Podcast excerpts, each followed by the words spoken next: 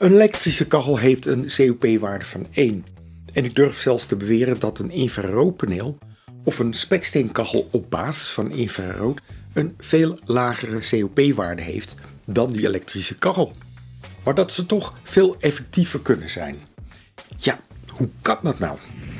Wanneer je een vergelijking maakt tussen een elektrische kachel en infrarood en je gebruikt daarvoor COP als meting, dan is dat hetzelfde als appels met peren vergelijken. Je vergelijkt thermische convectiewarmte met stralingswarmte.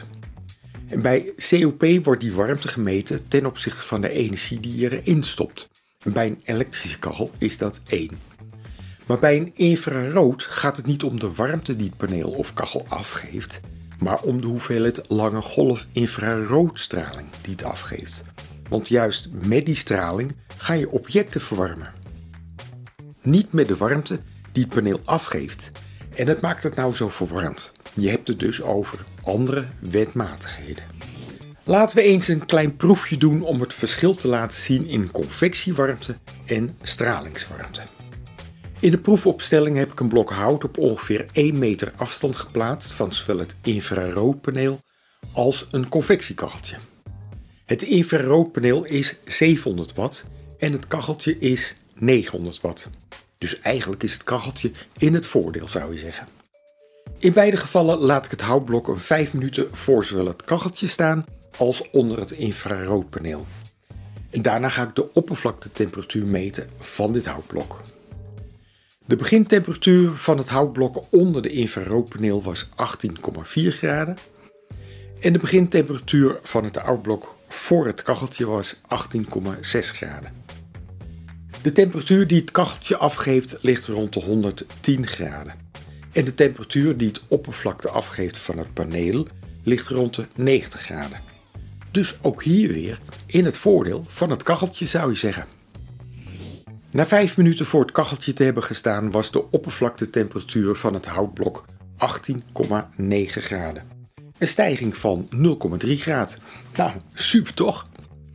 Maar wanneer ik na 5 minuten de oppervlaktetemperatuur meet van het houtblok onder het infraroodpaneel, dan is dat maar liefst 22,3 graden. Een stijging van maar liefst 3,9 graden. En je hoort het goed, een stijging van maar liefst 3,9 graden.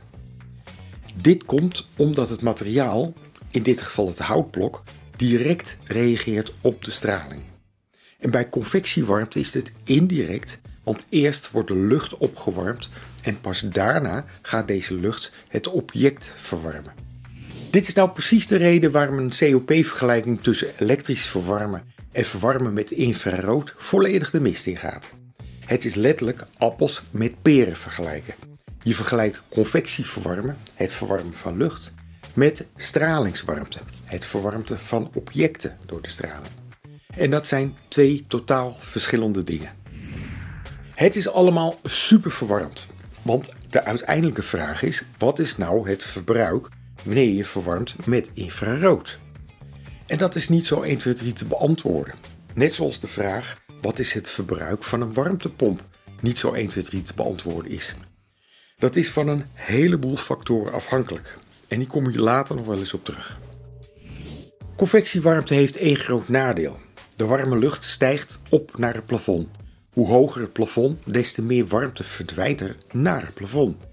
Zeker in hele grote ruimtes zoals kerken, fabriekshallen, zalencomplexen en werkplaatsen zal infrarood veel zuiniger zijn dan wanneer je bijvoorbeeld op gas stookt. In het toekomstige vlog zal ik hier speciaal op terugkomen. Maar neem even contact met ons op wanneer je daar nu al meer over wilt weten. In de volgende vlog test ik uit of een plafondventilator helpt om je huis efficiënter te verwarmen. En dat zal je echt verrassen. Tot de volgende keer.